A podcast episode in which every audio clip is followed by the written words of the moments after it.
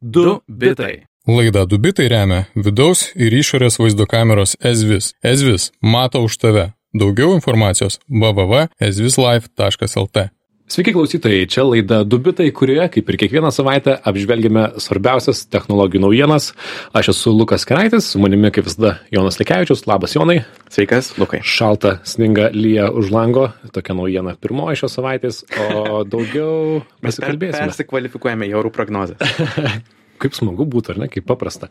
Šiandien šalta, šiandien paslydau, e, mūsų darbas šiek tiek sunkesnis, turime parinkę jums kaip visuomet technologijų naujienų, kiek čia kokias penkias galbūt spėsime papasakoti, tad pradėsime nuo pirmos pirmiausios, kuri leis mums sugrįžti prie praėjusios savaitės temos.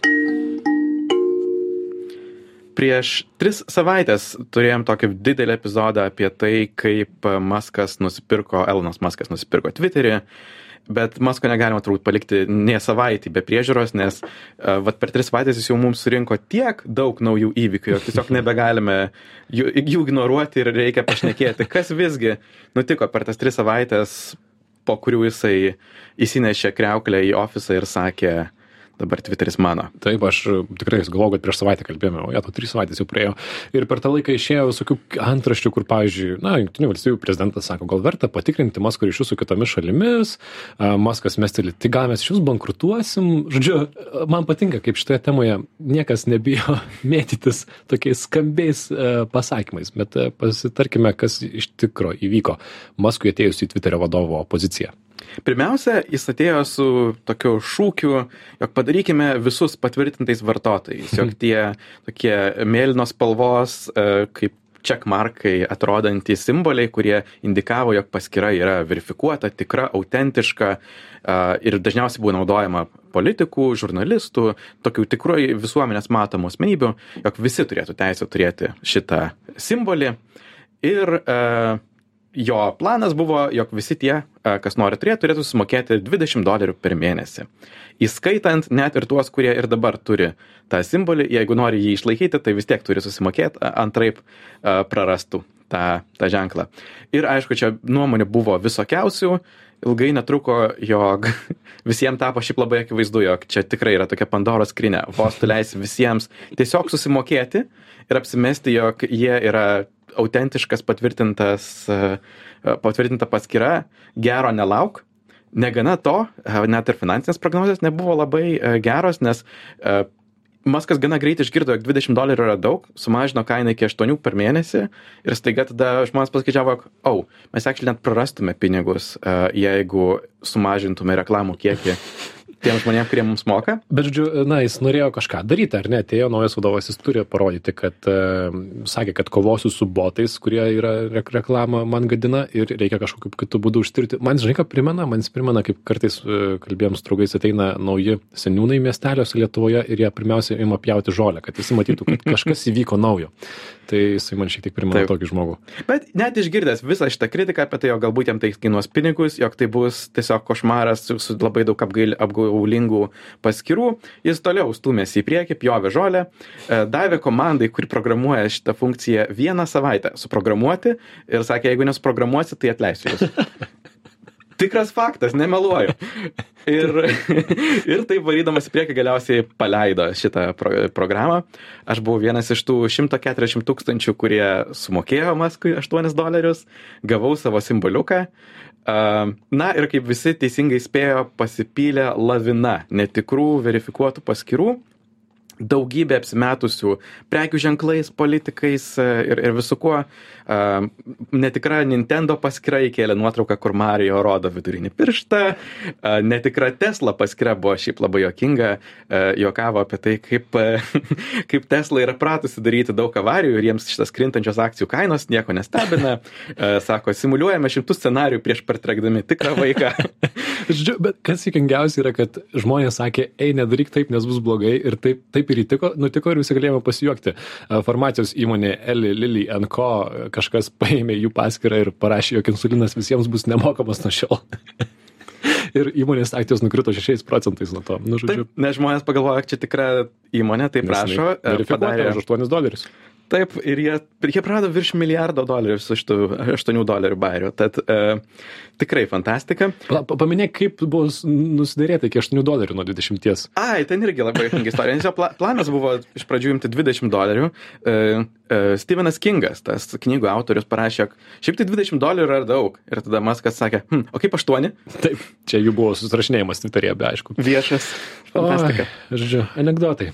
Taip. A, ir visgi lengva nebuvo, nes labai greit sureagavo reklamos, reklamos užsakovai, suprasdami, jog ga, jais gali apsimetinėti netikros paskirios, kurios kalba netiesą, gali būti šalia jų reklamos, labai daug padarė pauzę užsakinėdami reklamas.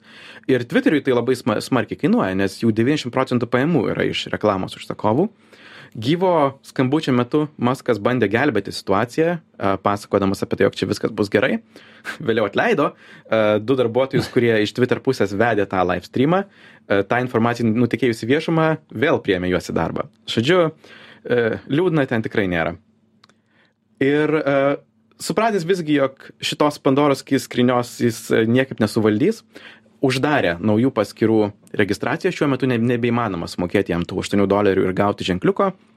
Tiesa žada, jog lapkričio 29, tai daugmaž po savaitės, vėl bus tai sugražinta, galbūt vėl atleis komanda, jeigu to nesugražins. Norėjau, kaip geriau gaunasi, kaip visada šitas pasakymas tinka čia ir, na, tuomet e, prasidėjo ir atleidimai Twitter'e, vėliau pakalbėsime ir apie kitus atleidimus, pastarųjų savaičių tema - atleidimai technologijų kompanijose, bet uh, vien lapkričio ketvirtą dieną, penktadienį Twitteris atleido beveik pusę savo darbuotojų iš, kiek, iš 7,5 tūkstančių. 3700 žmonių atleido ir sako Maskas, na dėja, per, ke, per dieną mes prarandame 4 milijonus dolerių, turime kažkokiu būdu taupyti. Pradžioje sakė, uh, moderatoriai tikrai nepaveikti, jų neatleidome, bet vėliau paskelbė, kad atleido ir uh, keturis tūkstančius keturis šimtus iš penkių tūkstančių penkių šimtų pagal kontraktą dirbančių darbuotojų tarp jų ir inžinierių bei moderatorių. Ir na kas dirbo moderatorių komandose sakė kad ojojoi tai tikrai pasijaus moderuojant tviteryje nebus tai be be pasekmių jisai taip pat ką darė tai buvo žmonės buvo atjunginėjami nuo vidinių nuo vidinių sistemų tviterio dar prieš juos atleidžiant Tokiu būdu ir sužinodavo, jog jie yra atleisti maždaug, o, nebegali prisijungti O, prie mūsų nebegaliu dirbti savo darbo, aš tikriausiai jau šiandien gal ir nebedirbu čia. Neva tai daryta saugumo sumetimais, kad kažkas išeidamas iš darbo, išmestas iš darbo, nesugalvotų nueiti ten prie kodo, prie kodo ir parašyti vieno kito keiksmažodžio. O paskui dar bandė atsiprašinėti ir sakė, gal jūs kartais grįšit. Žodžiu, didelė betvarkė vyko Masko pasaulyje. Jis net atleidinėjo tuos, kurie viešai jį kritikavo, tad tikrai čia nebuvo vien tik tai pagal kažkokius objektyvius kriterijus, buvo ganėtinai chaosas. Ir kas labai nustebino visus, jog net atleidus pusę darbuotojų ir 80 procentų pagal kontraktą dirbusių, jam vis tiek buvo negana. Ir praeitą trečiadienį, lapkričio 16 dieną, jisai visiems likusiems darbuotojams išsiuntė laišką pavadintą Twitteris 2.0. Ir aš dabar pacituosiu visai nemažai iš to laiško, nes jis nebuvo toks jau ir ilgas sako, jog a, toliau mes kursime Twitterį 2.0 ir tam, jog jam pasisektų, reikės dirbti ekstremaliai sunkiai. Extremely hardcore, kaip jisai pasakė. Ir tai reikš dirbti ilgas valandas, labai aukštų intensyvumu ir tik tai neįtikėtino lygio darbo kokybė bus a, įvertinama kaip tinkama. A, Beveik visi, kas turės dirbti, turi mokėti rašyti kodą, jie turės sudaryti didžiąją dalį komandos Ir jeigu jums patinka šita vizija ir norite taip dirbti, prašom paspausti čia, užpildyti šitą Google formą ir liksite uh, Twitteryje. Jeigu to nepadarysite iki kitos dienos, tave 24 valandas paspaustą nuorodą, uh, gausite 3 mėnesių išeitinę kompensaciją ir tiek žinių. Ačiū Jums. Tikrai toks hardcore būdas pranešti darbuotojams, kad jiems liko apsispręsti. Na ir 24 valandos apsispręsti ir panašu, kad du trečdaliai darbuotojų iš tų likusių nusprendė, nusprendė ir nepasilikti. Taip. Ir 1200 nusprendė išeiti po tokio grasinančio um, laiško. Tad uh, ir tuo tikriausiai baigėsi atleidinėjimai, ar ne? Panašu, kad taip. Dabar jau sako, jog viskas baigiam atleidinėti, dabar pradėsim samdyti.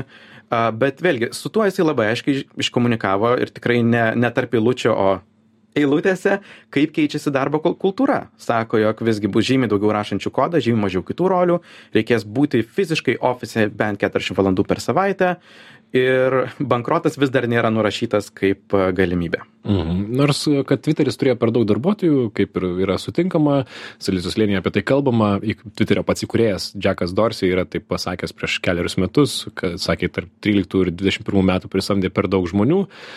Na, bet uh, na bet ką padarysi. Ta, kita naujiena, tarp kitko, buvo sugražintos paskiros tų žmonių, kurie buvo prieš tai išvaryti iš Twitterio. Tad naujas vadovas, nauja šluota pakeitė taisyklės ir leido sugrįžti keliems žinomiems žmonėms. Taip, čia turbūt tokia trečia pagrindinė tema apie Twitterį po visos patvirtintų paskirų sagos ir didžiulių masinių atleidimų. Taip pat, vėlgi, Maskas yra daug šnekėjęs apie tai, jog tai turėtų būti toks viešo bendravimo miesto aikštės centras ir tam reikia, jog nebūtų daug užblokuotų paskirų. Priminė, jog visgi negatyvios ar neapykantą skatinančios žinutės algoritmo bus mažiau rodomos, tačiau turi likti ir ta proga už, atblokavo keletą prieš tai užblokuotų paskirų, tarp jų tokių uh, link dešinės linkstančių Jordan Peterson ir Babylon B uh, publikacijos.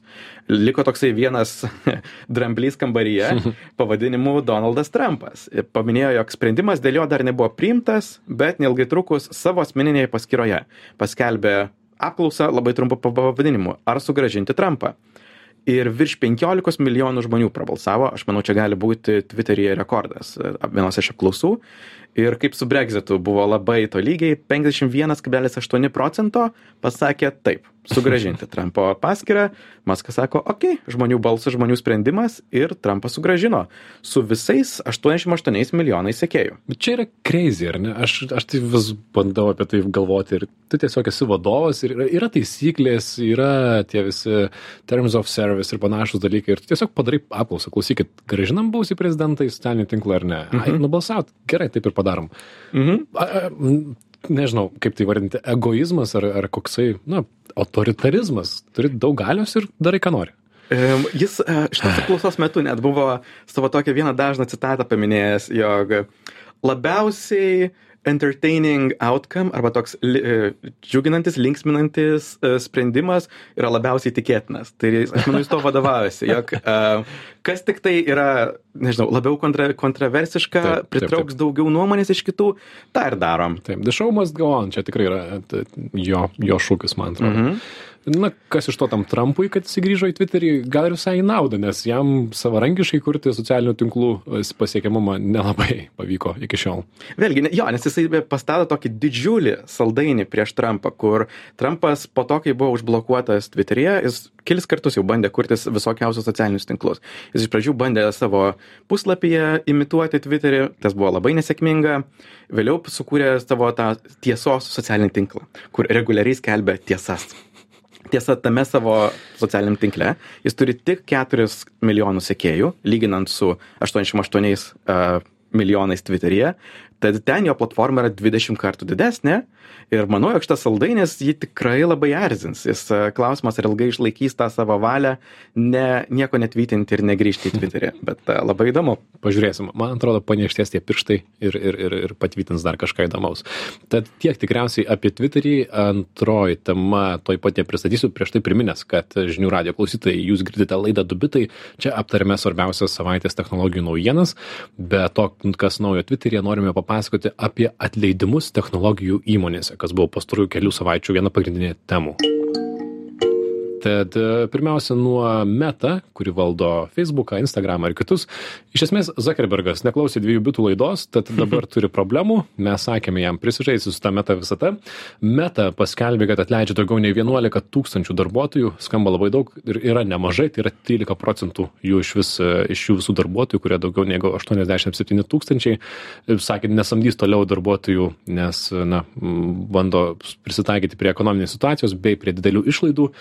Šiais metais vienu metu meta buvo vertinama trilijonu dolerių ir per metus jos kaina nukrito apie 70 procentų. Tad e, leidus savo išlaidauti, e, dabar turės šiek tiek pataupyti. Be abejo, pirmiausia, sumažėjo pajamos iš reklamos, kas nutiko daugeliu reklam, reklamdavių, čia per visą interneto rinką tai nuėjo, bet brangiai kainuoja investicijos į metavisatos kūrimą, ką mes kalbėjome ne kartą, 10 milijardų per metus išleidžia metavisatai, kurios labai nori Zuckerbergas ir netrodo, kad nori kas nors daugiau be jo, tiek metoje, tiek, tiek aplink. Tiesa, kaip minėjai, jog neklauso dviejų bitų, tai toliau neklauso dviejų bitų, beveik visi atleidimai buvo apeinant tą meta visatos skyrių ir tie žmonės, kurie mhm. dirba prie jo virtualios realybės, Reality Labs projektų, beveik visi liko.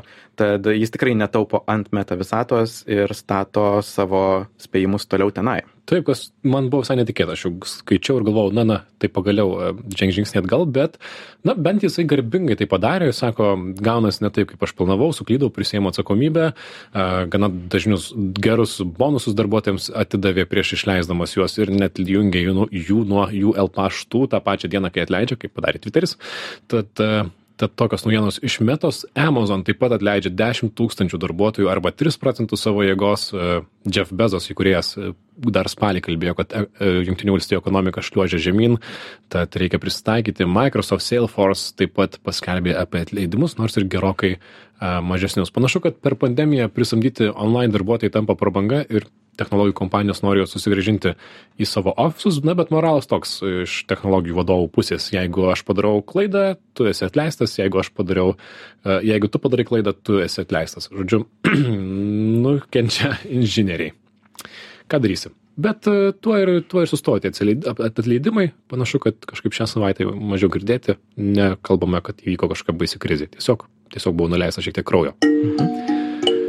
Kita naujiena iš temos, kurią mes taip pat esame apkalbėję, Elizabeth Holmes, e, nuteista 11 ir keliems mėnesiams metų kalėjime. Plačiau apie šitą istoriją kalbėjome 20-oje laidoje, praėjusiu metų pradžioje. E, dar kartelį priminsiu, kad buvusią įmonės Teranos vadovę Elizabeth Holmes teismas tuomet pripažino kalta apgaudinėjus investuotojus. Ji buvo pripažinta kalta dėl 4 iš 11 kaltinimų, tai yra kaltinimai apgaudinėjant investuotojus, bet ne pacientus ir dabar pagaliau paaiškėjo teismo verdiktas kurį dar galima skųsti bet bausmės atlikimo išvengti greičiausiai nepavyks. Trumpai verta priminti šią istoriją kurią na apie kurią jau yra ir serialai ir knygos ir viena garsiausių apgaudinėjimo istorijų ir silicio slėnio istorijų kad tryliktais keturioliktais metais taranos vertė siekė dešim milijardų dolerių. Tuo metu jie žadėjo kad tai bus įmonė kuri su vienu lašu kraujo padarys du šimtus tyrimų. A penkioliktais metais holms buvo jauniausia self-made moteris milijardierė, e, buvo ant žurnalų viršelių ir kitur. 15 metais pasirodo Wall Street Journal straipsnį, kurį kritikuoja jos idėją ir sako, kad jinai yra išpūstas burbulas. Ir 18 metais įmonė žlunga, investuotojai praranda pinigus, šimtus milijonų pinigų iš esmės. Ir e, Holmes teisme ašarojo, gailėjosi savo darbų, sakėsi, norėjusi įtikti investuotojams. E, kaltintojai, prokurorai vadino tai vienu didžiausių nusikaltimų Junktinių valstybių istorijoje, skatino teisėti žvelgti į tai, kad, na, paklausykite, kokią žinutę startuolių pasaulį pasiūs jūsų teismo nuosprendis. O internetas iš esmės pasidalino į dvi dalis. Vieni komentatoriai sako, kad 11 metų tai yra daug, kiti sako per mažai, tad visi turi savo nuomonę šitoje istorijoje. Jono nuomonė šioje istorijoje yra Aš manau, jinai visiškai pilnai nusipelnė viso šitos bausmės, e, bet aš manau taip pat kartais tai labai visai primena žmonių tokį polinkį, tarkim, vertinti e, ir apie tai yra labai krūva daug mokslinių darbų, apie tai, kaip sunku yra atskirti asmenybę nuo tiesiog objektivaus kažkokio teismo. Ir tą žinodama Holmes net pati yra pasakiusi, e, jog tokių, kaip jis sakė, pretty people, gražių žmonių kaip aš, nieks nededa į kalėjimą. Na ir panašu, jog e, visgi šį kartą teisingumas įvyko. Taip, ir na, prokurorai prašė daugiau negu 800 milijonų priteisti 29 investuotojams, tad prarasta nemažai pinigų, nors teismas nenu, nenuteisė dėl uh, pacientų apgaudinėjimo, bet tuo metu, kai mhm. veikė jos įmonės aparatai, buvo atliekami kraujo tyrimai, kurie tikrai kai kuriems pacientams parodė na, klaidingus rezultatus. Uh, Tad tokia pamokanti istorija, kuri kars nuo karto nutinka Wall Street'e ir Silicio slėnyje, panašu, kad jinai baigėsi, serialai šitą temą galbūt ir, ir užsidarys ties čia, ar ne? Tikiuosi. Gerai. Ir sugrįžkime prie vienos naujienos, kurią palėtėme praėjusią savaitę. Praeitą savaitę turėjome visą epizodą apie tai, kas vykto, vyko kriptovaliutų pasaulyje, apie FTX skaityklos griūtį. Mano nuomonė buvo tikrai labai gera laida. Jeigu neklausėt, galite paklausyti. Um, visos istorijos tikrai nekartosime, ten visas uh, filmo scenarijus buvo apie bankrotą, kaip antra pagal dydį kripto keitikla bankrutavusi, tačiau istorija yra pilna dramos, vagysčių, melų, pagrindinių hmm. ir antrailių veikėjų. Um, istorija dar tikrai nesibaigė, bet jau intensyvumas yra gerokai sulėtėjęs. A, Kas nutiko per tą savaitę nuo mūsų a, praeitos laidos? Tad e, Semas, FTX vadovas, bandė nežinau kiek intensyviai bandė pritraukti 7 milijardus dolerių kapitalo ge- gelbėti savo bankrutavusią e, įmonę nesėkmingai. Tad e, ta proga išliejo savo jausmus spaudai, tiesiog per Twitterį susirašinėdamas e, su žurnaliste ir galima sakyti, nusimdamas visas kaukės. Pripažino, jog tas efektyvus altruizmas, kaip jisai žadėjo e, padovanoti visus savo pinigus e, visokiam labdarom, buvo tiesiog melas, patikti spaudai. Um, Sako, jog didžiausia jo klaida buvo paskelbti bankrotą, vadinasi, toliau būtų norėjęs važiuoti su visom tam skilėm uh, balansuose. Ir pasak jo reguliavimo agentūros, su kuriamis jis taip aktyviai dirbo, aš nekėjausi su žmonėm Vašingtonė, iš tiesų jo nuomonė viską padaro tik blogiau, prie ko prisiliečia. Uh, tuo tarpu, naujas FTX vadovas, kuris prieš tai prižiūrėjo Enron bankrotą, tos didžiulės e, energijos įmonės bankrotą, kuri yra pagarsėjusi savo finansiniais skandalais, a, parašė tokį dokumentą apie tai, ką jisai pamatė FTX e, popieriuose žiūrėdamas. Sako, savo ilgoje karjeroje nesumatęs tokios didžiulės failure, tai yra kažkokios klaidos, e, netitikimo. Korporatyvinių e, valdymų instrumentuose ir visiško trūkumo kažkokio pa- patikimais finansiniais informacija. Tai palyginus tuo, ką matau dabar. Tad e, viskas, kas ten buvo, yra iš tiesų beprecedentiškai blogai. Taip, iš esmės Semo įmonė kriptovaliutų, jinai buvo tarsi keurarėtis. Ėmė pinigus, didi pinigus, e, gal kažkas ant lapelio ir įsirašė, bet paskui tą lapelį gal ir išmetė iš išleidžią, mhm. tai niekas nežino, kaip ten kas buvo. Viena iš priežasčių, kodėl taip sunku įvertinti, kas vyko FTX, buvo tai, jog Semas naudojo ir kitus savo darbuotojus skatino naudoti automatiškai išsitrinančius pokalbių programėlės. Tai yra, parašai žinutę, kažkas perskaito ir po minutės jinai dinksta. Tad neįmanoma atsekti, apie ką jie buvo šnekėję. Išlaidos įmonės buvo tvirtinamos tiesiog emo, emociukais, e, reakcijomis į žinutes. Kas už šitą jachtą spaudžia laiką? like. ir, ir, ir bendrai ten tiesiog buvo nesuvokiamo dydžio įmonės išlaidos. Um, vis dar nežinoma, kas yra hakeris, kuris paskutiniam keliom dienom pavogė kelius šimtus milijonų, bet žmonės žiūrėdami į tai, kas vyksta blokčiai, mato, jog jisai keitė š- dešimtis milijonų į Ethereumą, po to į Bitcoiną ir išsinešinėja jau pinigus e, tais e, kriptovaliutų tinklais. O krizės po vieną nevaikšto ir dar, manau, ne, ne visa pabaiga yra to sekančios griūties, kai kažkas sugriūna, bet kažkas galbūt buvo laikę pinigus to institucijoje ir yra nebelikvidus, bet jau matome pirmas kitas griūnančias įmonės. Viena iš jų yra tokia investavimo platforma Genesis, kuri laikė labai daug pinigų FTX, dabar turi milijardo dydžio skylę savo balanse.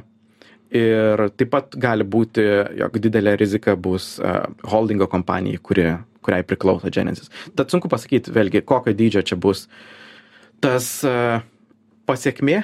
Mhm. Uh, Bet būtinai paklausykite mūsų praėjusios savaitės laidos, pasistengėme, atsiliepimai geri, Jonas ten gerą tokį scenarijų parašė iš esmės laidos, paskaitėme kaip, kaip scenarijų kino filmui, nes to ir verta buvo ta istorija. Nors kalbam apie daug pinigų pavogimą, bet mes sugebėjome iš to šiek tiek pasijuokti, kaip ir iš Twitterio ir kitų dalykų.